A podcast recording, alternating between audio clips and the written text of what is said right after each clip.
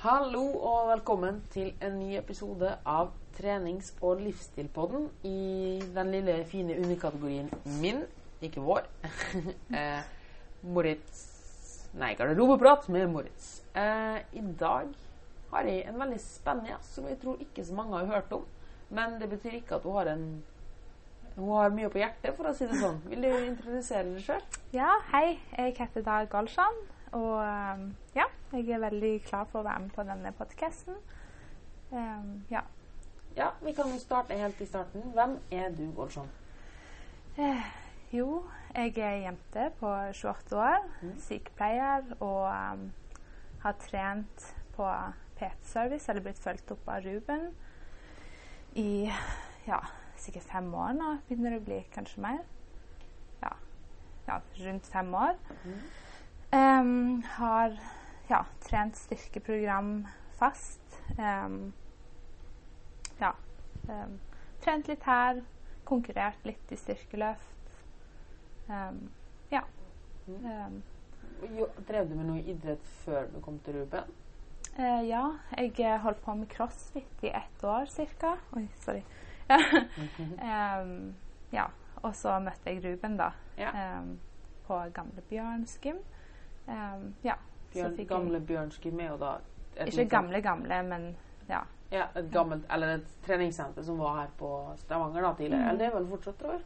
Ja, nå heter det vel noe annet, men samme det. Yeah. Eh, ja. Mhm. Det var iallfall holdt Stavanger styrkeløftklubb til. Mm. Um, ja, så fikk jeg møtte jeg Ruben der og begynte å få oppfølging av han. Mm. Ja. Så ja. Ble Og- det egentlig bare litt sånn Ja, Og før det, hadde du drevet med noe, idrett, noe som helst idrett? Eller var det første gangen med Nei. cross, var crossfit Ja, det første du crossfit var det første jeg gjorde. Mm. Ingenting før det? Ikke noe fotball eller håndball? Sånn Når jeg var liten, kanskje. Kanskje. Eh, ja. Men ikke Men noe, eh, ikke noe organisert? nei, egentlig ikke. Nei. Ikke noe Nei. Jeg var egentlig veldig uaktiv. Du skulle mase ganske lenge for å få meg med på en liten tur. Så ja. Det som er veldig morsomt, da, som man ikke ser på en podkast her, Mm. hvis du får lov å si det, så er det at eh, du har jo Du ser jo veldig bra ut, for å si det sånn. Altså, du har Jeg vil nok si at veldig mange kvinner vil se etter kroppen din Ja. Alle er veldig fornøyd med din kropp, da. Jo, Takk, jeg er ganske fornøyd. Ja, og det er kjempebra. Ja. Men det som er morsomt, det er jo her at du sier at du har drevet med styrkeløft og løftet tunge vekter. Mm.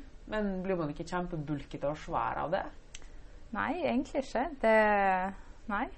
Nei. Jeg har ikke opplevd det. Ikke hvis du har eh, Ja, ikke hvis du har bare damme ba- Så, ja, ikke hvis du ikke jukser helt på seg. Ja. ja. Så grunnen til at du er med her i dag, er jo at du har en liten forhistorie. Mm. Um, så hvis du bare vil starte Nå vet vi litt om hvor du er i dag, og Mm. at du har drevet med trening i ca. seks år med Mm. styrkeløft, og har hatt, uh, konkurrert litt og er sykepleier.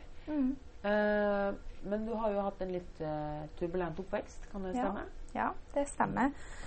Det er derfor jeg tenkte at jeg skulle komme her og snakke om det. For jeg Mm. tror det er veldig viktig å ha fokus på det og ja, få det ut i verden.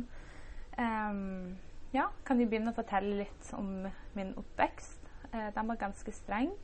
Um, mye forventninger uh, fra skolen, barneskolen. Jeg hadde seks eksamener per semester. Gikk på spesialskole der jeg måtte ta masse uketester for å komme inn. I Iran, da. Um, du hadde ingenting fri. Jeg hadde lekser i helgene.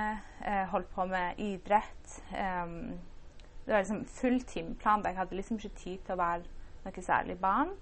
Eh, og de forventningene på en måte ble med meg hele barndommen. Eh, ja, om at jeg skulle være så flink og fin og smart og eh, måtte liksom bli professor eller kirurg eller liksom um, Skårte jo kjempebra på de testene gjorde jo veldig bra på skolen.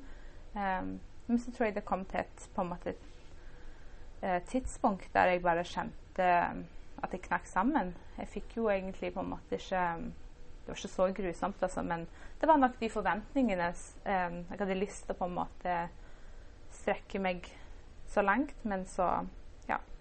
Eh, når jeg var 13 år, så begynte jeg å få spiseforstyrrelser. Mm. Eh, jeg visste egentlig ikke hva det var. Det bare begynte av seg sjøl, holdt på å si. Um, nå i senere tid så har jeg jo funnet ut at jeg ville ha kontroll over noe. Um, noe som var på en måte mitt, så ingen andre kunne på en måte fortelle meg noe om. Um, jeg husker liksom ikke helt hvordan det begynte. Alt er liksom som en sånn fortrengt tåke, hvis jeg kan si det litt sånn. Da, for det var en veldig tung og lang tid. Um, ja, begynte som sagt når jeg var 13. Um, Hva var det du gjorde da? Jeg eh, begynte liksom veldig med sånn Leste meg opp om kosthold. Um, begynte å ha det på skolen, faktisk. Um, tror det var sånn på en måte kunnskapen om mat begynte å komme hos meg da. Uh, og jeg har alltid hatt litt sånn kraftig er ikke noe som heter kraftig beinbygning, da, men jeg har liksom alltid hatt lett for å bygge muskler. da, mm. eh, Og kanskje vært litt mer muskuløs enn andre venninnene mine som var liksom supertynne, spinkle damer. Helt på seg. Når jeg vokste opp, så var det jo det var jo kjempetynne supermodeller på alle bladene yes, på 90-tallet. Ja, det var supertynn å være supertynn, liksom. Og det har jeg aldri vært. Mm. Um, jeg har aldri vært overvektig i det hele tatt heller. Um, men ja, så begynte det med at jeg leste litt om kosthold og mat. Uh, og så fikk jeg en sånn rar tankegang om at det var ja- og nei-mat. da. Fett, det var liksom det var no go. Det var kjempeusunt. Det var jo så mye mer kalorier i fett enn karbohydrat og proteiner. Um, og det er jo kjempeproblematisk med tanke på at kvinner ofte har et større behov for fett enn det menn har. Mm. Og spesielt i, hormoner og oppvekst. Ja. Og spesielt i den alderen. da. Mm. Rett i puberteten så vil du i hvert fall ha så, slike ting er på plass. da. Mm. Eh, så begynte det liksom gradvis at jeg på en måte tenkte at brød og karbohydrater var liksom fy-fy. Sjokolade det ble jo kjempefeit av, men jeg kunne fint spise liksom halv kilo gulrøtter. Selv om det inneholdt samme mengde kalorier. Jeg visste liksom ikke det, da. Mm. Men det ble veldig sånn svart-hvitt-tenkning hos meg. Um, og så begynte jeg å sulte meg sjøl uh, gradvis. Jeg ville liksom ikke spise. Uh, det ble liksom sakte, men sikkert veldig ekstremt. Jeg husker liksom um, husker f.eks. vi var i Danmark hos tanta mi, og jeg nekta å spise vanlig persisk mat. Eh, for det var jo mye fett i de steiker jo liksom alle urt. Det er jo egentlig kjempesunn mat, men var jo, jeg var jo så forskrudd på den tiden. Um, da måtte tante mi koke kyllingfilet til meg. Um, men så hadde du glemt å sette lokket på. Eh, det er bare et eksempel, da. Og så hadde du stekt løk ved siden av. Og da nekta jeg å røre den kyllingfileten, fordi det kunne jo være at det spruta noe fett fra den løken i det vannet. Det var liksom så ekstremt det var hos meg på et tidspunkt. Da Da nekter jeg å spise en hel dag. Um, ja. Og mange ganger så skjalv jeg og hadde så lavt blodsukker at eh, Eller hadde liksom gått så lenge uten næring at jeg var liksom usikker på om jeg kom til å våkne neste dag. Jeg var liksom iskald og lå i sengen. Hvor gammel var du da? 14 år, kanskje. Det tok sikkert ett år før det på en måte pika til sitt verste. Det ble liksom veldig ekstremt veldig fort hos I, meg da. Gikk du veldig for mye ned i vekt da? Eller? Ja, og så begynte jeg å få litt sånn komplimenter om at jeg så bra ut og sånn. Um, brydde meg jeg tror ikke noe særlig om det. Jeg tror aldri på en måte direkte handler om utseendet for meg. Det er nok at jeg på en måte tenkte å kontrollere noe når jeg hadde så mye forventninger til meg. da. Mm. Uh, og på det tidspunktet så begynte jeg å gi blaffen i alt. Det liksom gikk andre veien. Jeg brydde meg ikke om skolearbeid, brydde meg ikke om å på en måte møte opp. Jo, mye hærverk. Begynte å uh, røyke på det tidspunktet, altså 14 år, bare for å liksom gjøre foreldrene mine sinte, da. Jeg vet ikke hva det var. Hadde mye sinne, aggresjon og hat inni meg som var bygd opp. Ja, for du bruker sånn mm. Eller nå vet jeg ikke nøyaktig hva det er, men det er jo en gjenganger at det er noe at man vil protestere fordi man har blitt holdt igjen såpass lenge da, og vil jobbe mm. mot systemet. Og det var sikkert mye av det det at du har så lite kontroll og slikt, og det som du sier, da, at maten var det eneste du kunne kontrollere. Mm. Og så alt annet var et opprør, da. Mm. mm. Jeg, var, jeg ville ikke være fin, jeg ville ikke være smart. liksom. Jeg ville bare gjøre det motsatte av det jeg hadde gjort hele livet mitt, hvis jeg kunne si det på den måten. Mm. Ville liksom bare være sint ungdom, mm. kan se det på den måten. Um, ja, så ble det oppdaga i heimkunnskapen. Husker ikke hva tid det var. Um, der læreren min tvang meg til å spise rundstykker liksom, hadde bakt, da, for hun mente at det måtte smake. Um, og det som var liksom så rart med meg, at um, jeg hadde på en måte en form for eller det var nok anoreksi jeg hadde til å begynne med. Men uh, så begynte jeg å utvikle bulimi etter hvert. Mm. Eh, og det som var liksom rart har jeg fått høre i ettertid. At jeg har liksom aldri framprovosert oppkast. Det har kommet opp av seg sjøl eh, når jeg har følt liksom, dårlige følelser inni meg. Mm. Eh, sånn som den heimkunnskapen, så følte jeg meg så pressa til å spise karbohydrater som var liksom noe jeg ikke skulle spise i min vrangforestilling der og da. Mens alle andre satt og så på. At jeg måtte, etter jeg hadde spist den, så sprang jeg jo rett ut inn på badet og kasta opp. Eh, og heimkunnskapslæreren hadde fortalt dette videre til min lærer. Dette var vel ungdomsskolen, hvis ikke helt feil. Og da eh, hadde hun en samtale med meg der hun stilte meg litt sånn spørsmål og sånt. Um, og Hadde- en samtale Folk da begynte å la merke til at det hadde gått ned veldig mye vekt Ja. også? Ja. Mm. Eh, og gikk liksom ofte i veldig svære klær, da, joggebukser, eh, og sånt. ingen kunne på en måte se noe av kroppen min. Og jeg ville ikke være med i gymmen liksom, fordi at da måtte gå og dusje etterpå. Um, ja, det har jeg faktisk ikke tenkt på før nå, men det var sånn det var. Ja, og så ble foreldrene mine kobla inn, og jeg måtte fastlegen og ble henvist videre til spesialist eh, og psykiater. Og da husker jeg at jeg måtte liksom fylle sånn, husker ikke det var 1000 spørsmål. En sånn kjempesvær dunke med masse sp- spørsmål. Um, etter en samtale med psykolog så ble psykiater innblanda. Og han anbefalte meg å begynne på antidepressiva, for han mente at jeg var så langt nede mentalt at det var liksom ingenting annet som hjalp. da. Mm. Um, og da var jeg 14 år. Mm. Men jeg nekta, for jeg syntes det hørtes skummelt ut. Og takka heller ja til kognitiv atferds på en måte Ja. terapi. Ja. Bodde du fortsatt hjemme da, eller Mm. ble du innlagt? Nei, jeg, ble aldri, jeg har aldri vært innlagt. Jeg ville bli innlagt, men eh, jeg var nok aldri på en måte så, så på en måte tynn og underernært. For jeg kunne jo spise en halv kilo gulrøtter plutselig Ja. og masse frukt, liksom, for det var jo sunt. Uh, Mm. så jeg, jeg hadde jo veldig dårlig kunnskap om mat, sånn egentlig. Mm. Uh, tenkte liksom brød inneholdt karbohydrater, det var usunt, men frukt, det var jo kjempesunt. Eh, ja. Ikke det at frukt er usunt, men her Ja, er det jo snakk om inneholder at du spiste Altså, det kaloriene kommer ned til Mm. Det det. Ja. Men uh, sånn, så er du jo veldig heldig at du ble tatt opp der, fordi Bare ikke for å snevre det inn på meg eller noe som helst Mm. men det kan jo gå enda verre. Altså, for min del så ble det enda, tok det enda lengre tid før det ble oppdaga. Mm. Uh, og jeg ble lagt inn på sykehus, og så heldigvis på BUP etterpå, da. Mm. Altså barne- og ungdomspsykiatrisk lukka avdeling, da. Mm. Eh, men jeg kjenner veldig mye igjen, med, igjen i mye av det du sier, da. Mm. Eh, og hvordan fortsatte du da? Eh, jeg ville liksom egentlig ikke på en måte innrømme Jeg husker tilbake til tidspunkt, altså det tidspunktet at jeg ville ikke innrømme overfor meg sjøl at jeg hadde et problem. Jeg visste jo at jeg hadde et problem. Jeg, altså, hvis faren min prøvde å gi meg en spiseskje med persisk mat, som var favorittmaten min, så kunne jeg finne på å rive ned hele bordet liksom, og klikke og ikke spise resten av dagen. Så det ble jo egentlig bare verre og verre. Men jeg møtte ikke opp på timene. Mm. Ehm, jeg var egentlig ikke klar for å ta imot behandling. Det var liksom noe som var mitt, som ingen skulle ta ifra meg. Eh, Det er jo en gjenganger at det er jo det Mm. eneste du har kontroll over. Da. Den, den, den maten, eller den onde delen, da, som hos meg blir kalt mini-Moritz, eller Mm. mini, den, den blir en så stor del av det. Og du, ikke, du, du, du føler jo personlig angrepet. Det er derfor Mm. sannsynligvis reagerer så aggressivt. er jo Mm. fordi det er noen som angriper en del av det. Mm. Ikke sant? Den går jo stikk motsatt. Det er akkurat sånn som Er det veldig ekstremt. Men det er akkurat samme som ville kalt noen et jødesvin eller en, en neger. Mm. Altså ikke at de gjør det, men det blir det samme. Fordi liksom, La oss si at det bare Ja, men bare spis litt, da. Det, Mm. det, blir, det, det er veldig vanskelig for folk å forstå dette her. Er derfor kommer eksempelet med jødsvin eller Mm. neger og sånne ting. For det er en så stor del av en, og det går såpass dypt inn. Og jeg Mm. tror derfor reagerer man veldig fort aggressivt. da Mm. Fordi man føler at man blir personlig angrepet. Ja, veldig. Det, det husker jeg jo kjempegodt. Jeg Ja. Eh, Så husker jeg egentlig ikke hvordan ting ble. Jeg snakket nok med noen psykologer og sånn. Um, litt her og litt der, og ble henvist til forskjellige plasser og um, litt sånt. Og så møtte jeg en som var kjempedyktig, så i senere tid faktisk blitt kollega av meg. Ehm, ja, psykologspesialist. Eh, og jeg husker at han tegna en sånn sirkel opp for meg.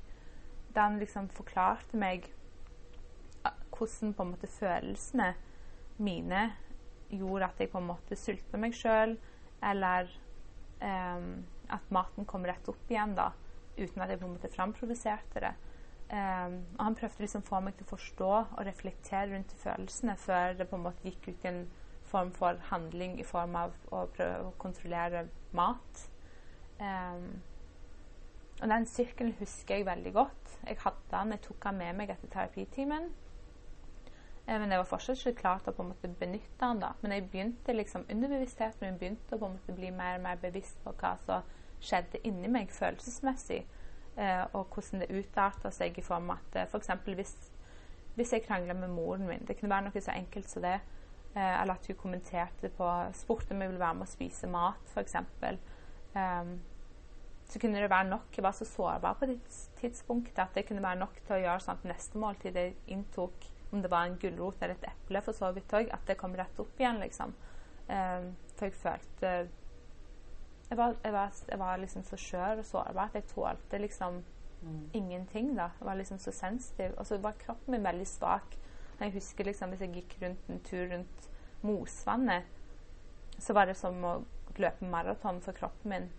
Um, nå er, altså, den dag i dag så er jeg jo supersterk. Eh, Takk at du så rett ut. Det er bra. Ja, jeg er faktisk ganske sterk.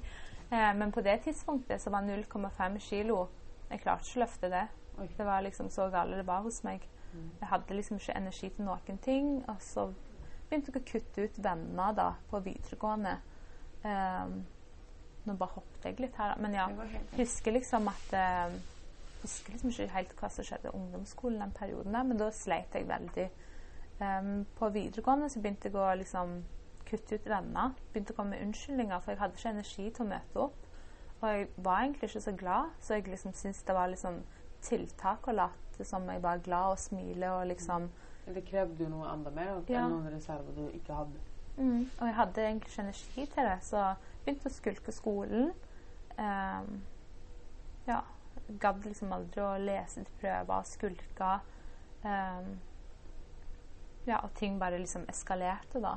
Um, begynte å feste ganske mye, for jeg brydde meg jo ikke om noen ting. helt på seg. Jeg brydde meg ikke om kroppen eller hva jeg gjorde med den, eller um, men, eh, men, samtidig så sier du du ikke vil møte venner, men samtidig så gikk du ut og festa. Hvordan var det? Var det bare at du gikk på tilfeldige fester, eller var det det eneste du gjorde, var hvis du var sosial, så var det fester? Eller? Veldig ofte det. Jeg hang jo med venner, og, sånt, og jeg gjorde jo det, men begynte liksom å komme veldig mye unnskyldninger. Venninnen min sa liksom Sanna, du er jo en som avbryter alltid, men de visste jo kanskje ikke at jeg på en måte ikke hadde det så fint, da. For jeg mm. var så flink til å skjule det. Man er jo ofte veldig flink til å skjule det til alle. Jeg tror liksom ikke søstera mi eller mamma og pappa egentlig visste hva jeg gikk gjennom mentalt, da. Eh, og så ja, skulka jeg veldig mye av skolen. Gikk du da eh, fortsatt til eh, terapeuten din? Eller psykologen? Nei, nei, jeg gjorde ikke det. Men av og til så på en måte ble jeg jo henvist til enhet for spiseforstyrrelser på sykehuset. Jeg snakket med Senter for spiseforstyrrelser. Da hadde, fikk jeg en person som jeg ringte til av og til når jeg på en måte ikke hadde det så bra. Mm. Jeg kunne fint ringe til ROP-tjenester. For jeg var liksom så langt nede mentalt at jeg på en måte tok kontakt litt her og der. men Hvorfor fikk du ikke videre oppføring fra han du hadde så god kontakt med? Fordi at han kom til et tidspunkt der han sa at du, du er klar over alt sjøl. Liksom. Jeg tror ikke jeg kan hjelpe deg noe særlig videre.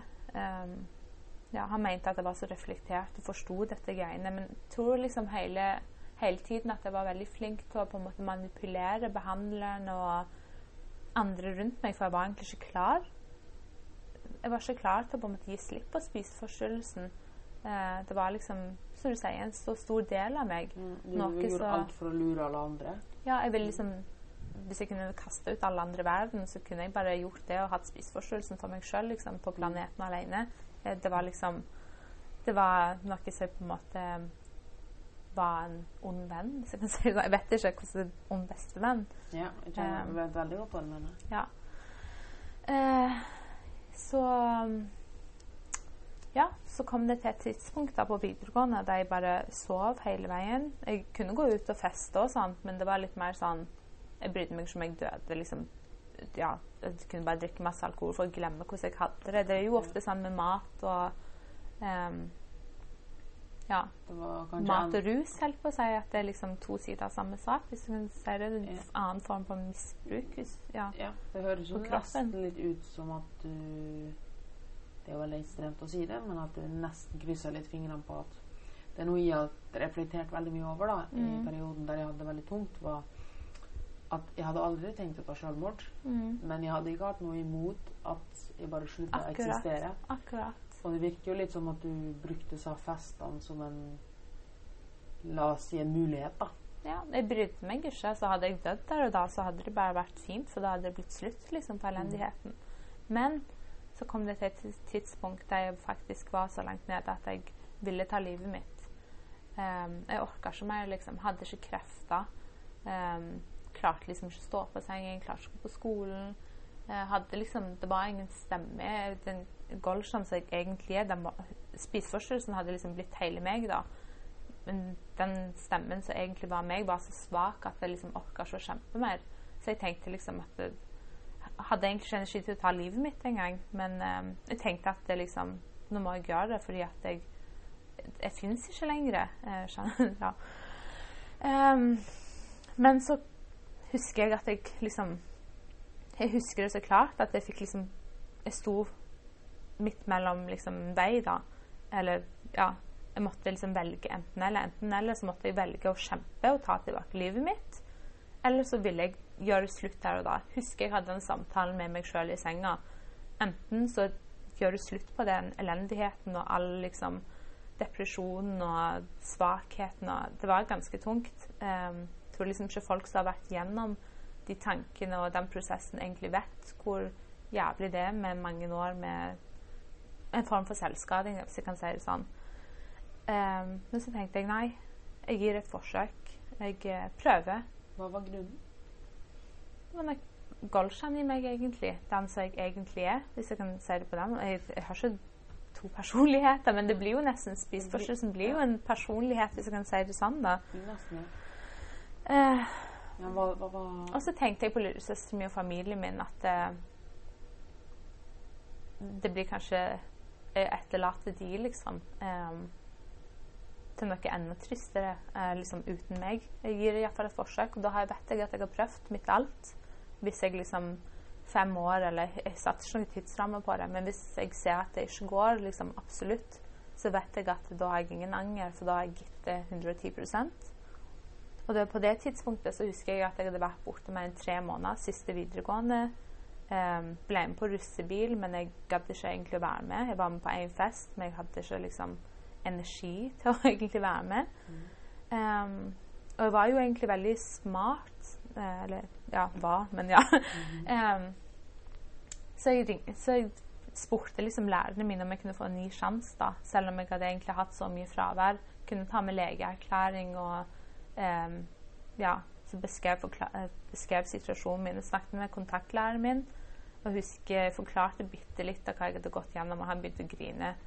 Um, og han som var realfagsansvarlig på Sola på det tidspunktet, han hadde fulgt meg opp i geofag, og jeg var jo en sekserelev um, i det faget. Så han sa at eh, jeg skal hjelpe deg, men da er det sykt mye du skal gjennom. Han hadde snakket med mange lærere, um, og jeg hadde liksom tre prøver hver dag og tre innleveringer til neste dag. Der jeg tok igjen alt av prøver og sånt som jeg kunne, og jeg måtte melde meg opp på en privat eksamen eh, for kjemien. Den kunne jeg ikke få ta opp igjen i og med at det var så mye forsøk og sånn. Så jeg tok basically mer enn tre måneder videregående eh, på, i løpet av en periode på to uker, og besto alt. Eh, samfunns, han som hadde meg i samfunnsfag, han ville egentlig ikke la meg bestå, men når han så at jeg hadde faktisk bestått i alt, da, så sa han OK, la gå, du skal få lov til å ta de prøvene du mangler. Um, så det er jo et unntak for meg. Uh, egentlig så hadde du ikke lov til å bestå med så mye fravær. Eh, og gymmen, der måtte jeg jo ta som teoretisk på en måte eksamen, Mm. uh, eller tentamen, eller hva det heter på ja, videregående. Mm. Da husker jeg det var liksom den perioden jeg tenkte nå skal jeg på en måte Det var helt helt Ja. Så du Ja. snudde egentlig den der Det som er er jo litt at uh, Når man har en spiseforstyrrelse eller en lidelse som dette, her, så Mm. har man jo egentlig Man har jo egentlig en personlighet som har består av enorm viljestyrke. At man er ekstremt flink til å mobilisere. da. Mm. Uh, man klarer jo faktisk fysisk å nesten sulte seg i hjel. Mm. Så da uh, Jeg vil si at du Det jeg tror, da, er at eh, grunnen til at du fikk til dette her såpass bra eh, Og det er helt enormt imponerende. Spesielt det at du var såpass langt nede med et veiskille. Mm. Altså det var, det var snakk om Ja, det var snakk om ett valg, så hadde du ikke vært hos oss lenger i dag. Mm. Det er helt enormt at du, at du fant den indre viljestyrken og tok kraft og kom ut av det så dypt hull alene. da. Mm. Um, og det jeg tror du gjorde nettopp i det øyeblikket, var at du switcha om den der enorme viljestyrken og mobiliseringsevnen da, til at nå skal jeg ta grep. Mm. Eh, og det, det er noe jeg har brukt veldig mye iblant. Det er hvis de er redd for å ikke få til ting eller tror at de ikke kommer til å klare noe. Eh, så tenk bare over Eller hvis de føler at ting blir veldig overveldende, da, Mm. sånn som det ble hos deg, så tenker jeg alltid tilbake på at du har klart å sulte deg i hjel til nesten Du hadde klart å sulte deg til døden. Mm. Eh, alt annet er kjempelett. Ja, Eh, og egentlig. det tror jeg du gjorde nettopp da. Mm. Du bare switcha om alt av eh, viljestyrken din Mm. og gjorde noe såpass ekstremt. Å ta opp så mye pensum på en så liten ting. Ja, han sa at det var som å svelge en bak, bak, opp ned baklengs eller noe sånt. Ja. Men eh, det gikk jo. Ja. Det er jo sant du sier. Så det, var, det er liksom alltid vært en Jeg har jo alltid vært der, selv om spiseforstyrrelsen på en måte tok veldig over meg. Mm. Og det gikk jo Det var jo ikke på en måte etter den eh, de to ukene så var det jo ikke sånn, så var jeg frisk. Mm. Men da husker jeg at jeg begynte å benytte den der sirkelen som terapeuten hadde Ja. skrevet ned for meg for lenge siden, og bli bevisst på mine følelser og handlinger som kom som følge av de. Mm. Litt sånn mentalisering, Ja. nesten. Selvmentalisering. Um, Så hvordan gikk de videre derifra? Jo, jeg flytta til Oslo rett etter videregående på folkehøyskole. Ja, alene, for jeg måtte komme meg vekk fra altså foreldrene mine og miljøet jeg var i da. Mm. Kun ha min egen stemme å forholde meg til. Ingen forventninger, ingen liksom um, Det er nok et sånn komplisert samspill der uh, som liksom kanskje holdt Jeg vet ikke. Jeg vet egentlig ikke. Jeg har liksom Terapeuten og sånn sa liksom alltid at jeg har hatt veldig mye forventninger, men det um, Ja. Mm. Kanskje ikke vært noe direkte Ja, jeg tror det var liksom veldig bra for meg å komme meg vekk, da. Mm. Um, fortsatte å teste seg, men jeg fikk liksom livsgnisten min litt mer tilbake. Jeg begynte på en måte å Da jeg gikk på folkeskole, da spiste jo alle mat sammen. Det på en måte Middagene ble litt mer sånn normaliserte. Ja. Jeg hadde jo kjekt. Det var, det var liksom gode følelser, da. Ja. Folk var samla, det var bra miljø. Um, La du på det? ja, jeg gikk opp sakte, men sikkert ganske mye. Det ble jo en del festing og sånt òg. Hvordan føltes det? Eller fortrengte du det? Eller Jeg, jeg tror liksom jeg hadde det så gøy der og da, på en måte, at jeg egentlig ikke liksom brydde meg. Jeg følte meg kanskje ikke sånn superfin, men jeg følte meg ikke sånn superstygg heller. Nei.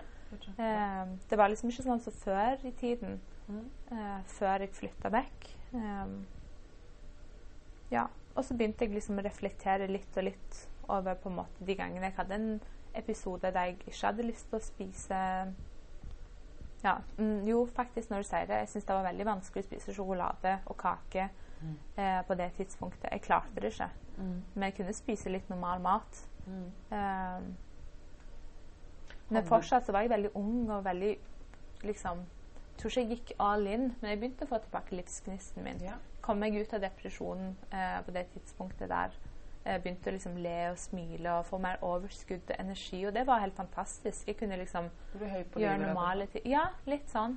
Det var et kjempekjekt år. Det er det som er så sykt, det er jo Mm. det at um, Det er det jeg merker også veldig etter hvert, da, er jo det at når du har vært såpass langt nede, Mm. så er det så sykt å kjenne på normalen. Mm. Du føler som du er på dop. Ja, ja, si. det var liksom sånn ecstasy-år for meg. og, da, og så hvis du får én Ja. god dag, da, Mm. og så har du noen dårlige dager etterpå, så blir du så enormt motivert, eller får så lyst til å få tilbake den gode dagen. Mm. Det, det, det, og da har du enda mer lyst til å gjøre en forandring, da. Mm. Og jeg tror det er det som pusher en videre ut av det. Hvis man først tar den første biten, da, opplever en sånn god dag, Mm. så får man så lyst på enda en sånn god dag. Så da blir det etter hvert steg for steg blir det lettere og lettere og lettere å Mm. komme ut av det, da. Ja, Mm. Det var jo ikke så lett, men det, ja. Begynt, Nei, nei, absolutt ikke lett. Men Mm. Ja. ja. Og så skal vi spole litt um, Mm. i den historien. Historien min i den historien. Ja. Oh, um, hvordan ble det, da? Jo, vi var veldig, fortsatt veldig glad i å feste. på en måte, litt sånn blaffen i livet, da. Begynte å studere og sånt. Eh, men jeg tok liksom ikke ting så seriøst. Jeg var liksom fortsatt ute etter å finne meg sjøl og Mm. ja, hadde litt sånn perioder der jeg ikke spiste like mye, perioder der maten kom opp igjen Um, og sånn. Men det ble liksom gradvis mindre. Jeg husker at jeg begynte å sette meg ned med meg sjøl, og jeg ville liksom ikke fortsette med den selvskadingen, for jeg assosierte det liksom med den tunge perioden der jeg ikke klarte å stå av sengen, der jeg ikke hadde noe energi. Mm. Um, men um, ja. Ja, hvordan ble det, da? Jo, så møtte jeg eh, Så ja, hadde jeg liksom spiseforstyrrelser og sånt ennå, men det ble liksom gradvis mindre um, i og med at jeg begynte å liksom prøve å eliminere, bli bevisst på de følelsene og takle de på en annen måte i form av mat. da. Og Hvis gjorde alt dette sjøl? Ja. Wow. Um, ja, jeg gjorde det, faktisk. Ehm, men jeg husker jeg var, liksom gikk meg en tur eller bare satt hjemme. Og hvis jeg hadde hatt den maten hadde kommet opp igjen, da, så satte jeg meg ned etterpå. Så fikk jeg en dårlig samvittighet, for at jeg hadde ikke lyst til å fortsette sånn og skade kroppen min på den måten. Um, så måtte jeg liksom tenke tilbake. ok, Hva var det som gjorde at den maten at kroppen min følte seg så uvel at den maten kom opp av seg sjøl? Du var rett og slett din egen psykolog? Ja, men jeg brukte jo den der sirkelen så den psykologspesialisten hadde liksom snakket med meg om mange timer. Men ja. det du gjorde med deg sjøl nå, er egentlig 99% av resten av befolkningen Mm. eh, må hjelpe dette her. Mm. Det er Ja. imponerende. ja, så begynte jeg gradvis å bli bevisst på disse tingene og liksom snakke med meg sjøl om at det, men det er jo de, de andre sine meninger, liksom, om jeg har lagt på meg, f.eks., eller et eller annet. sant? Det, jeg husker ikke hva kommentarer eller hva ting det var der og da, men jeg prøvde liksom å eliminere de og normalisere de følelsene og bearbeide de istedenfor å liksom gi de et utløp i form av mat. Mm. Um, det var en lang prosess. Um, og jeg kunne liksom snakke med noen, fastlegen min her og der. Um, men begynte å åpne meg gradvis opp for venner. Mm. Uh, begynte å snakke om dette. Det var en veldig stor sånn vel- Noe veldig stort for meg, for det hadde jo vært noe som var kun mitt. Egentlig så ville jeg ikke innrømme at jeg hadde en spiseforstyrrelse, men da begynte jeg å snakke med folk om det. Um, og en eller annen gang inni der så klarte jeg å spise et kakestykke uten at den kom opp igjen. Da jeg tenkte at det går fint.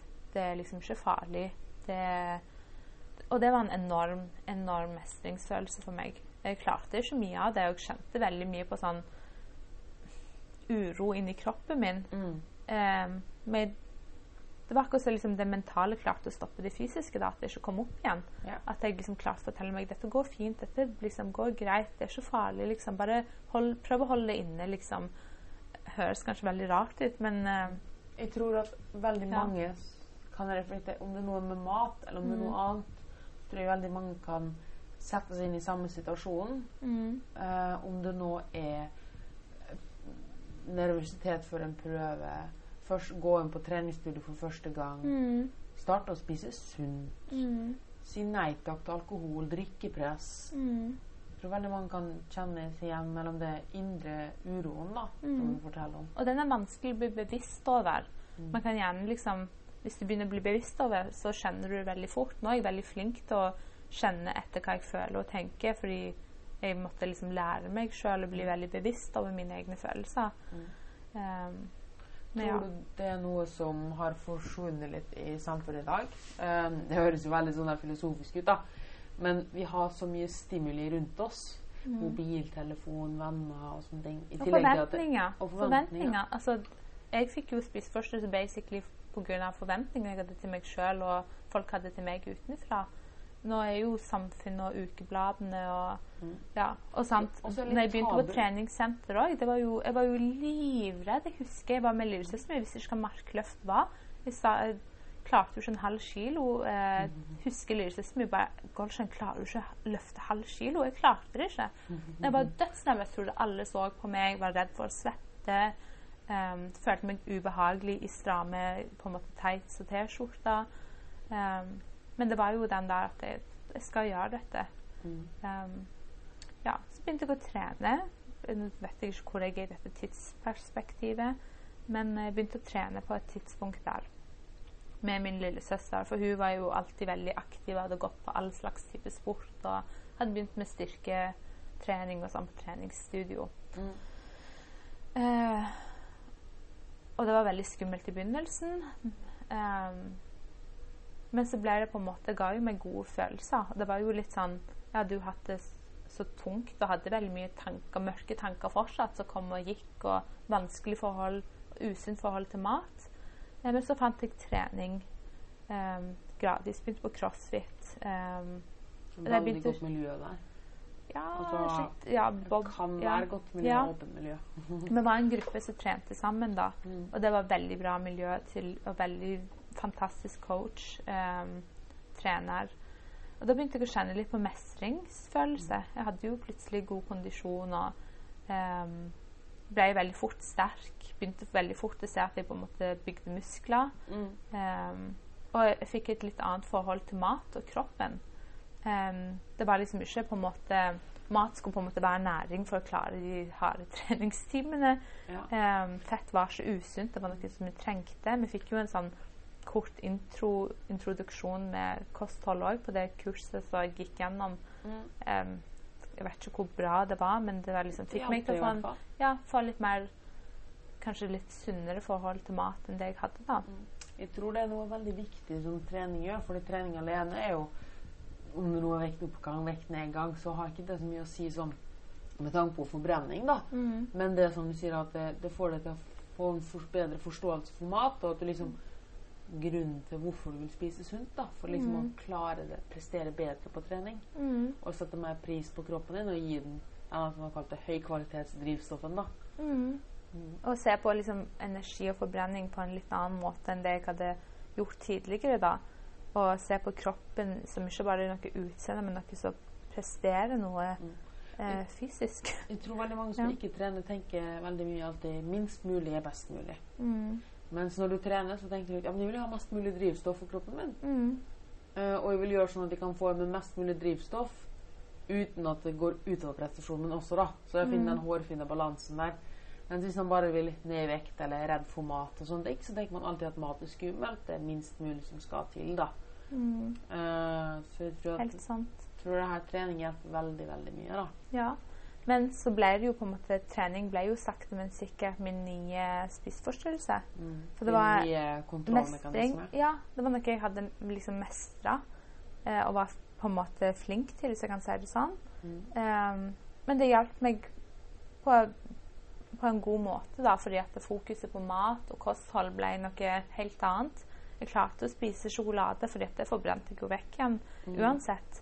Um, men så kom jeg til et punkt der jeg overtrente veldig mye. Jeg hadde det liksom, jeg var ikke et veldig bra forhold. Um, der på en måte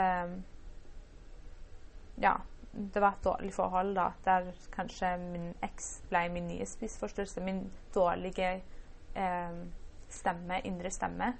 Um, hvis jeg kan si det på den måten. At jeg sa ikke, sa ikke nødvendigvis stygge ting, eller hadde gjerne ikke dårlige tanker om meg selv om at jeg var stygg eller feit, eller noe sånt.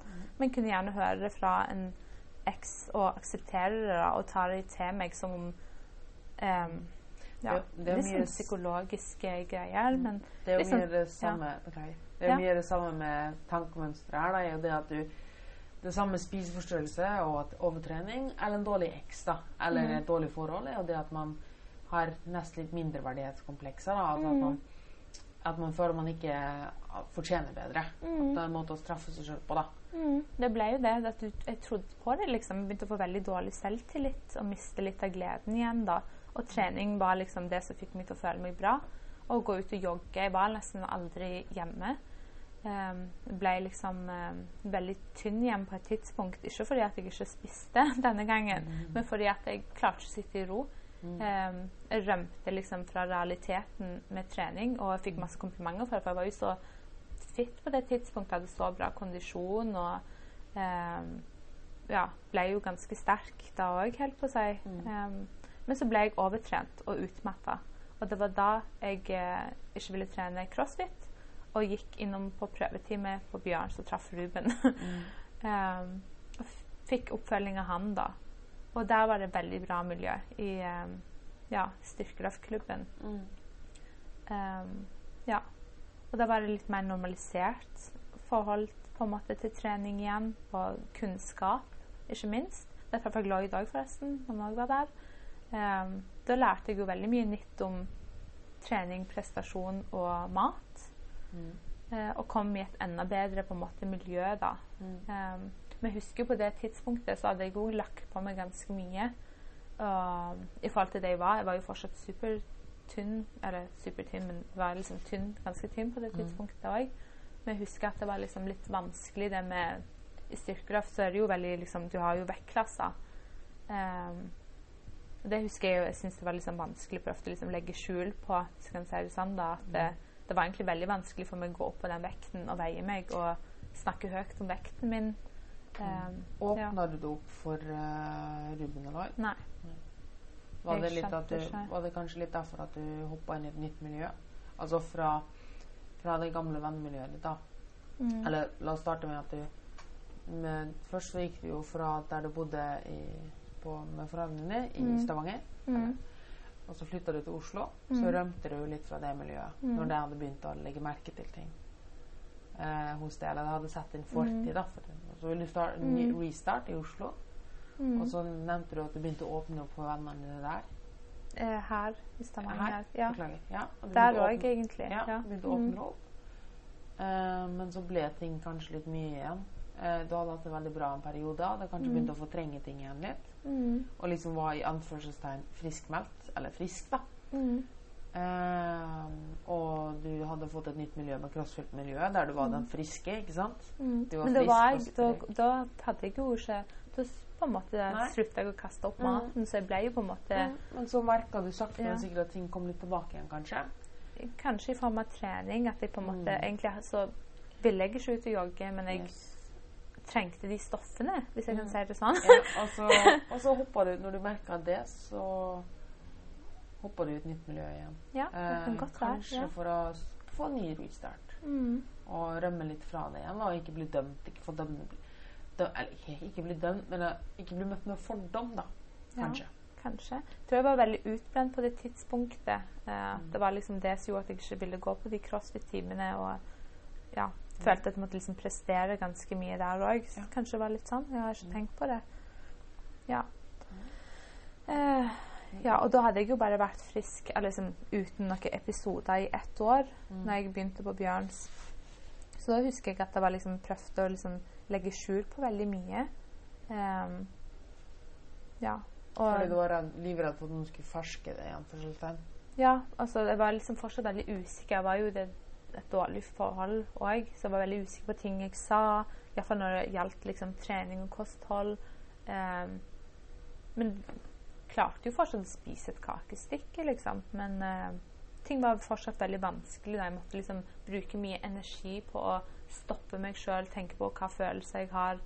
Um, og så måtte jeg lære meg sjøl å på en måte ikke bruke trening som en sånn misbruk. Ja. Ja. Mm. Uh, og så begynte jeg å liksom begynte en ny jobb der, altså på psykiatrisk akuttpost, der jeg Mm. lærte veldig mye om ja, hvordan man takler følelser og sånt. Mm. Og så begynte jeg å liksom bygge meg sjøl opp på den måten, da, med litt kunnskap og nye miljøer. og um, Begynte å liksom bli litt mer meg sjøl, hvis jeg kan si det på den måten. Ja. Goldschon kom, grodde mer og mer. Ja, fikk litt mer kunnskap og litt, ble litt mer sånn normal så- altså i tankegangen og tvangstankene. Og, Mm. ja. og så hjalp det veldig å ha et program som jeg måtte følge. liksom. Mm. Ehm, du kommer på trening, så gjør du det, og ingenting mer. Så får du aids, som de kalte det. helt på seg.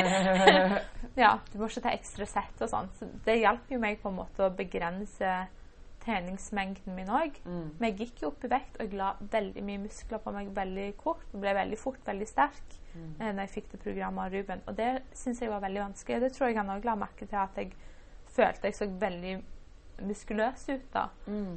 Jeg kanskje ikke gjorde det, men kroppen min forvandla seg så fort. Mm. Du hadde liksom Eh. alltid vært den Ikke den tynne, men du hadde jo liksom aldri bygd ordentlige muskler. Jeg hadde jo ikke muskler. Jo ikke Så da blir det jo en veldig Ja. stor kontrast for din del. Mm. Men det var liksom en utfordring jeg valgte å ta, fordi at det, det ga meg noe.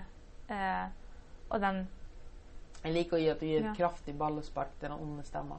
Ja, på en måte så ble det litt sånn. Og så ble jeg jo bevisst på at jeg hadde brukt trening som en på en måte ny rømningsvei fra Mm. følelsene mine, da.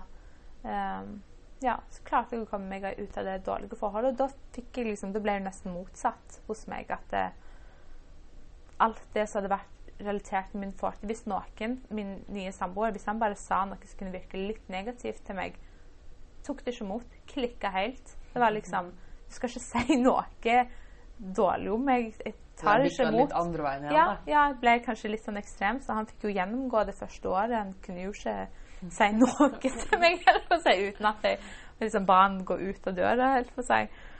Um, ja, så, så tror jeg liksom at det, det var en prosess. Men da hadde jeg jo vært frisk i et år, og det fortsatte jo. Mm. Um, ja, så ble jeg jo sterkere og fikk mer bevisst på en måte forhold til trening. Ehm, men jeg husker jo på et tidspunkt at jeg fikk liksom dårlig samvittighet hvis jeg lå på sofaen og egentlig ikke hadde energi. Uh, at jeg følte at jeg måtte på trening. Mm. Men det òg var liksom en ting som jeg måtte lære meg å tenke at vet du hva, det er greit, det er helt fint. Jeg trenger ikke å gå på trening i dag. Uh, hvis jeg er så sliten, så er det liksom nesten usunt å presse seg sjøl.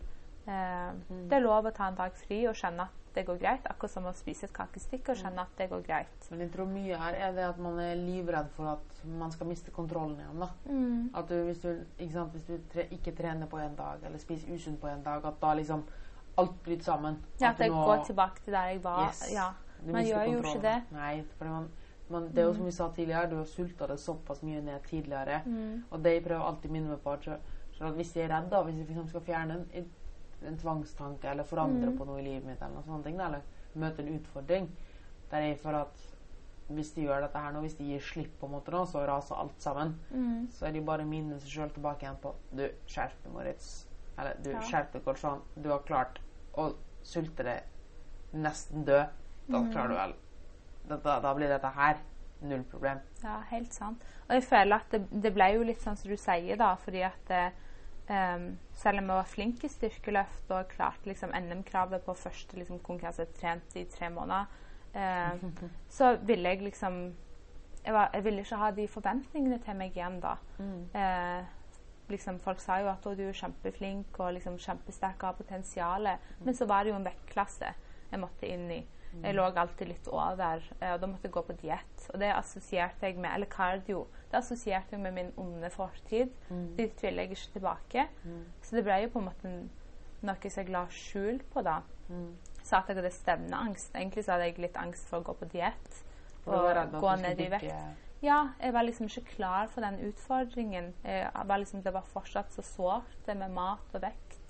Jeg gikk jo altfor stramme klær, for jeg nekta å kjøpe litt større klær, for jeg ville jo egentlig ned tilbake der jeg var. Mm. Fikk jo kommentarer på at du går alltid så stramme klær. Jeg bare, haha, ja, men det var kanskje en liten sånn skjult tanke i meg som tenkte at men, jeg, jeg går tilbake der jeg var, men jeg gjorde jo aldri. Jeg bygde bare mer og mer muskler. Og det syns jeg var vanskelig å forholde seg til, for jeg følte jo at jeg ble veldig maskulin i forhold til jeg var. Jeg ble jo egentlig ikke det. Jeg ble jo bare bedre. Nei, det var jo som vi sa i starten ja. av episoden, at det er nok veldig mange som Veldig mange menn som er jo veldig åpne, da. Så, Mm. så, så jeg tror det er veldig mange menn som hadde, gir et blikk, blikk ekstra. Eh, for å si det sånn at eh, blikket fester seg litt lenger, da. For å si det sånn. det ja. Nei, men vi er jo ganske gode venner, så det er greit ja, å si ja, det det sånn. går helt fint. Det, det, det, det, Jeg håper det i hvert fall. Ja, ja, Så ser det jo ikke det. de andre det, så. Ja. Jo, jeg er ganske fornøyd der jeg er i dag. Men jeg har liksom vært redd, da. Det er så på en måte jeg har kjent med mye ettertid, at jeg flyttet til Nederland, og da var det jo kjempebillig med Ben Jerry's. En Ben Jerry's-boks kosta liksom 20 kroner. Oi. Og det ble liksom Det var på en måte sunt for meg å klare å spise hele den isboksen uten å på en måte uten at jeg kom opp igjen, eller uten at jeg fikk liksom tvangstanke om at jeg måtte gå til trenere vekk, eller sulte meg sjøl i ettertid. Um, og så ble jeg, livredd for kardio. Men blir dette her kanskje en av de, nye mestringsfølelser, da? Blir jo da Ja, på en kunne måte. spise, kunne spise usunt. Mm. Mm. Uh, men så ble jeg jo egentlig ikke var jeg egentlig ikke fornøyd, da, fordi at det, ingen kardio og liksom eh, masse dritmat, helt på å si. Det var jo aldri meg. Jeg vokste opp med persisk mat, så er liksom masse urter og grønnsaker. Egentlig ganske sunn kosthold. Det er jo egentlig det jeg ja, det det er egentlig det jeg prissetter. Altså, vi spiste grønnsaker på fest, liksom, til snacks. Mm. Det er liksom, og frukt, og tørka nøtter og frukt. Og det er egentlig det jeg vokste opp med. Um, men det ble liksom en sånn prosess jeg måtte gjennom, da. Uh, og nå er det ikke så lenge siden at jeg på en måte har begynt å tenke at det, det trenger ikke være enten-eller. Det trenger ikke være at jeg aldri kan trene cardio igjen, for jeg er redd for å misbruke det. Jeg er liksom ikke Det er jo syv år siden eh, jeg på en måte Ja, iallfall fem år jeg ikke har hatt de der tvangstankene og ehm, Og hvis Ja. de skulle komme tilbake igjen, så er det heller ikke farlig. Jeg er ikke den som jeg var. liksom. Jeg er mye mer bedre rusta og jobbet veldig mye med bevissthet og på følelser. Og Mm. hva andre sier til meg, hva jeg velger å ta imot av kritikk. Og liksom Det er jo helt normalt om folk Altså, alle kjenner jo på Oi, ser folk på meg, ser jeg teit ut? Nå sa jeg noe teit. Men jeg tror det handler om å på en måte bli bevisst Og og velge hva du tar til deg, da. Og hva, hva du lar deg blir påvirka av. Om du er først, altså første person ut i treningssenter, eh, så er det en stemme i deg som har valgt eh, at du kommer dit. At du Mm. tar den kampen.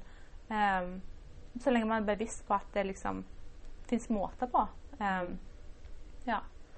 Hvis jeg får fram poenget mitt. eh, ja, du, ja, jeg skjønner veldig godt hva du Mm. mener. Å eie situasjonen, rett og slett. Og å vite, ikke, altså hvis det, du har tatt et valg da, som kommer Mm. fra deg sjøl Mm. Og det her tror jeg er veldig viktig at folk tar med seg at det her, det, det her er så viktig at ting kommer fra deg sjøl, og ikke at noen bare sier noe til deg. Mm. Det må komme fra deg sjøl, for hvis det kommer fra deg sjøl, så kan du faktisk gå etter videre. Det er faktisk en grunn til at jeg er her. Så jeg kan faktisk være sjølsikker og eie situasjonen. Og så lenge man eier situasjonen, så vil man egentlig aldri se dum ut eller latterlig ut. Mm. Det, det er så banalt som å se på en fest. Hvis noen bare går og danser litt usikkert og litt sånn, øh, litt sånn flau, Mm. så blir det en veldig klein stemning. Ja, men hvis du bare eiere, eier det, går inn bare- 110 Kjører rett inn, Ja. ned på gulvet, rekedansen, eh, Ja, eller ja. fiskedansen. noe. Ingenting så kulere enn det. Men hvis du er litt sånn usikker og sånn Ja, jeg skal bare legge meg ned på gulvet og kanskje Nei, ja, nei Og ser litt ut, så blir det veldig rart.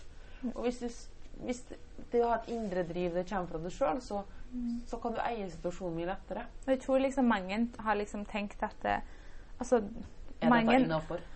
Ja, og mange er så usikre på en måte fordi samfunnet forventer at man skal være sånn og sånn, snakke sånn og sånn, man kan ikke si sånn. Det er liksom alle de normene, da, skjulte normene som fins. Men hvem skal du leve for? Det er det Er livet ditt for deg sjøl, eller lever du egentlig livet for alle andre som du egentlig ikke bryr deg om? Mm. Eh, det er jo du som skal være glad og finne livsgleden i trening og i mat. Um, og jeg tror det handler om bevissthet. Det er liksom det som har hjulpet meg ut av ting. Og nå liksom Det er jo ikke lenge siden, men jeg klarte faktisk å løpe tre kilometer uten å kjenne på ekle følelser. Jeg er ikke der som jeg var. Jeg trenger ikke å misbruke det, liksom. Jeg kan spise et kakestykke uten å få dårlig samvittighet. Mm.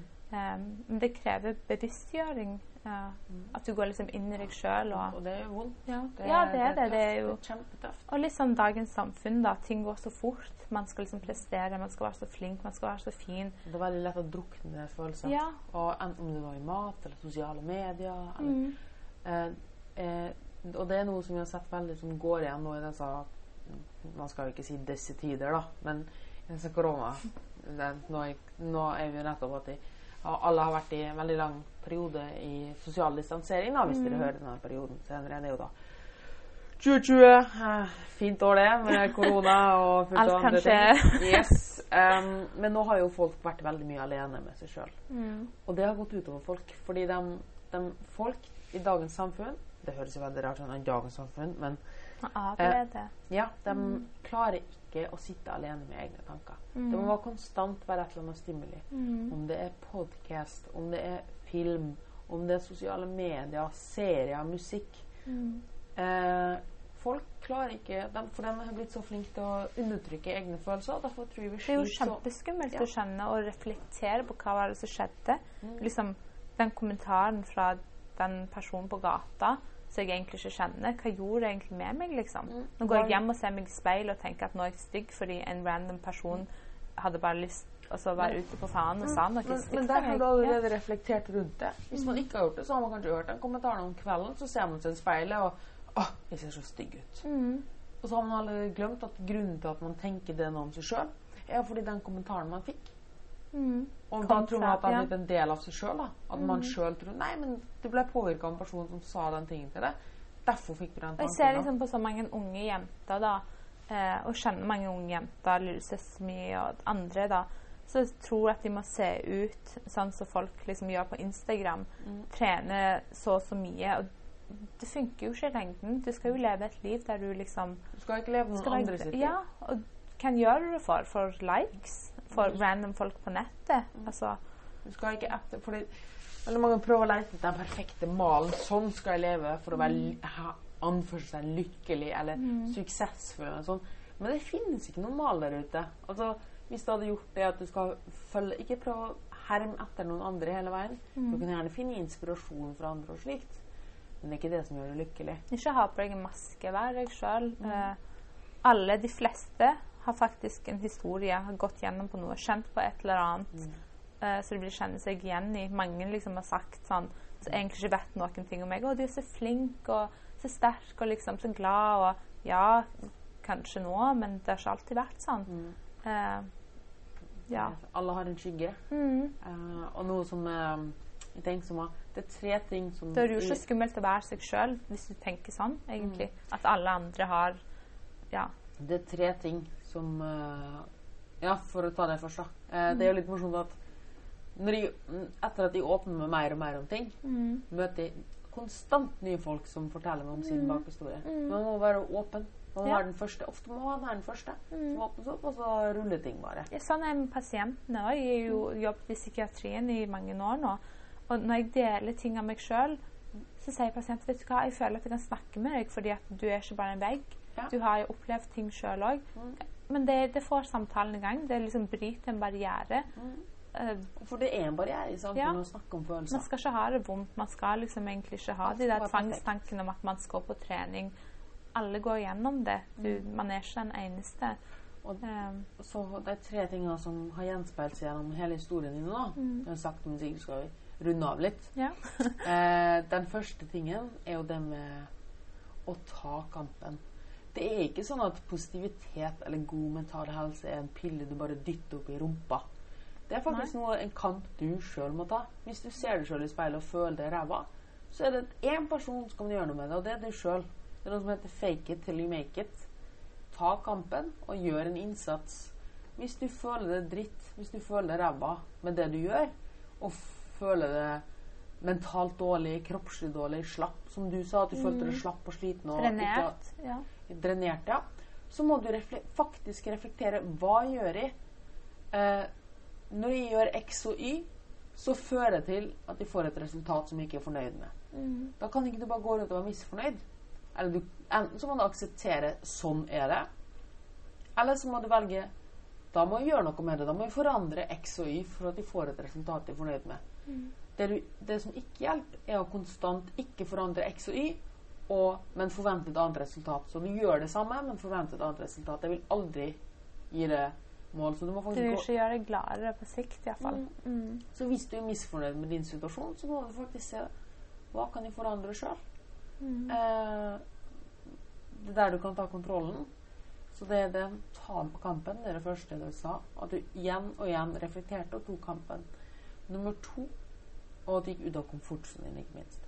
Nummer to bevisstgjøring. Det er et ord du har tatt veldig mye igjen. Mm. Reflektere og bevisstgjøre. Det er litt det vi snakka om. I gjør X og y, eller I er misfornøyd. Hva kan jeg forandre av X og Y, sånn at jeg Mm. blir fornøyd? Eller må vi bare akseptere situasjonen, for jeg kan ikke forandre X og Y. Mm. Men da hjelper det ikke Hvis du ikke kan forandre X og Y, så hjelper det ikke Mm, Bare gå videre, Yes, da. da, Mm.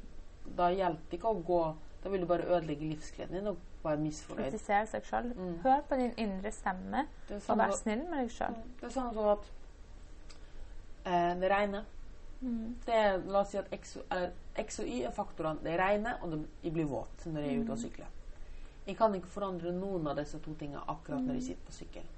Så da er det ikke vits å bli sur og misfornøyd heller. For jeg kan ikke forandre på noe. Mm. Da er det bare å akseptere situasjonen. Jeg blir Eller klisjvåt. treningssentrene har vært stengt, Ja. og det er mange kjent på. Mm. Du, kan få, du kan ikke åpne opp treningssentrene, men du kan gå inn i deg sjøl og tenke at det er ikke farlig. Det er ikke så farlig som dere har snakket om podkastene. Mm. Det, liksom, det går helt fint. Det går helt fint å spise det kakestykket og Mm. la være å trene en periode. Bruke tiden på noe annet. Og gå inn i seg sjøl og kose seg ute i naturen. Gjøre alternative øvelser. Og, Ja. Og det siste, det er kunnskap. Det er noe du har tatt igjen igjen og igjen. og igjen. Kunnskap. Dere, folkens, dere må utdanne dere videre. Dere må ha interesse. For å kunne forandre en så må man vite hva man går inn i. Man må faktisk vite hvordan X og Y påvirker resultatet. Mm. Du må kunne matematikken for å løse for å si det sånn. Ja, men kunnskap om mat og trening det Hvis gjør sånn at du faktisk får et mer avslappa forhold til det. For du trenger ikke å kjenne på den angsten og usikkerheten. Et kjempebanalt eksempel. Hvis du ikke kan bestille en elektriker, eh, og du har problemer med strømmen hjemme, så kan du gå rundt og være livredd for at du neste dag får et strømslag, eller at strømmen plutselig ryker. Ja. Eh, eller så kan du få kunnskap om hvordan du legger ledninger, hvordan du fikser strøm, og fikse problemet. Og fjerne den usikkerheten. Og vite at jeg har kontroll. Fordi de vet hvordan strømmen blir fiksa hvis strømmen skulle ryke. Mm. Det høres ut som et kjempeteit eksempel, men det er akkurat samme. Hvis du er redd eller usikker, så er det fordi du ikke har kontroll. Fordi du ikke har kunnskapen. Det går an å ha kontroll på et sunt livsstil, Yes. både mentalt og fysisk. Mm, I stedet for å ha kontroll på en ekstremt dårlig måte som påvirker det ikke en dårlig retning du hadde jo satt kontroll på den strømmen. Jeg husker du også hatt kontroll på. Angsten hadde også forsvunnet hvis du droppe alt av elektrisitet. Mm. Det blir jo litt ekstra. Ja, det blir Ja, det det. blir jo det. Bare for- stearinlys. I stedet for at du fikser problemet og får kunnskap og jobber med det, så bare unngår du det. Mm. Men fordi du vil ikke leve i angst og redsel. Mm. Man tør ikke å ta kampen, kanskje. Yes, og da lever du i- med stearinlys istedenfor. Fordi du er Mm. livredd for at strømmen skal gå. Så da bruker du den ikke i det hele tatt. Men da får du aldri det Du så aldri fint. eh, Yes. Og det er det samme trening, overtrening, mat og sånne ting. At Mm. hvis du aldri tar kampen, så kan du leve resten av livet ditt eh, i rett Eller enten så skjer det ting i ny og ne, og du er livredd for at det skal skje noe. Mm. Eller så går du helt i din restriksjon, i din boble, og unngår alt for å, Mm. fordi du er livredd for at strømmen skal ryke. Eller så tar du kampen og blir en elektriker Mm. og fikse strømmen og kan nyte livet. Og hvis det skulle skje noe, så har du kunnskapen til å fikse det. Mm. Og Ja, her kan det alltid være hjelp. Og, og det er mange folk der ute som vil hjelpe. Mm. Det er bare å være åpne med hverandre, for det var det siste punktet. Mm. Du har lært å bli åpen mer og mer, Ja, og det er kjempebra. det er det. Så det siste jeg vil avslutte med i dag, det er et spørsmål jeg gir alle gjestene mine. Og det er Hvis du hadde møtt deg sjøl for ti år siden med den kunnskapen du har i dag, hva hadde du sagt til deg sjøl? Ja, det var jo sånn jobbintervjuspørsmål. um, hadde sagt Du klarer dette. Mm. Slapp av. Ting kommer til å gå bra, kanskje. Ikke vær redd. Ikke vær redd livet, kanskje. Følelsene dine. Um, men jeg tror ikke jeg ville liksom gitt meg sjøl noen gullkorn som hadde gjort at jeg hadde vært foruten. Man lærer mye av å gå igjennom ting, så jeg hadde bare sagt slapp av, det går fint. Du fikser dette. Du får det til til slutt, selv om det kommer til å være tungt og ta mange år. Og det gjør alle andre òg som hører på, uansett hva dere går igjennom. Um, man er ikke alene. Um, ja, og selv om noen på en måte virker sykt sterke og flinke og fine og sånt, så er de akkurat sånn som alle andre. De har vært der. De har vært, jeg har vært der, så de, Altså, ja. De fleste har vært en eller annen gang, helt på å si. Mm. Ja. Så jeg tror jeg hadde bare sagt slapp av. Mhm. Chill down. Ting kommer til å ordne seg. Mm. Ja. Veldig fine sluttord. Det var um, ei skotsk venninne av meg en gang som sa eller kunne, da, men på Leo på da. Og hun sa til meg på sånn søt skotsk aksent, da. Um, uh, everything is ending good. And if it isn't good, if it isn't good yet, it's ain't ending. så Ja. alt blir bra. Og hvis det ikke er bra ennå, så er det ikke slutten ennå. Helt sant. Det er jo litt det det går i. Tusen takk for at jeg fikk være med her. Jo, det var veldig bra. Ja. Tusen takk at du ville åpne det. Det var veldig Jo, fint. Ja. Hvis du har hørt denne episoden og syns det var bra å høre på, og likte den, eh, ta en screenshot av at du har den på. Eh, del i storyen din. Tagg med mini-mori mi. Eh, og gjerne Goldshon også. Instagram-profilen din er tar vi ned i shownotene, som det heter så fint, hvis du vil det. ja, ja. Mm. Så ta screenshot, del oss historien. Anbefal den videre hvis det er noen du kunne tenkt å høre oss. Gi oss en kommentar. Alt dette hjelper oss, og vil egentlig bare hjelpe mest mulig folk. Eller hvis du vil ta kontakt med meg, så finner du alt du må vite i shownotene. Tusen takk for at du hørte på, og ha det bra.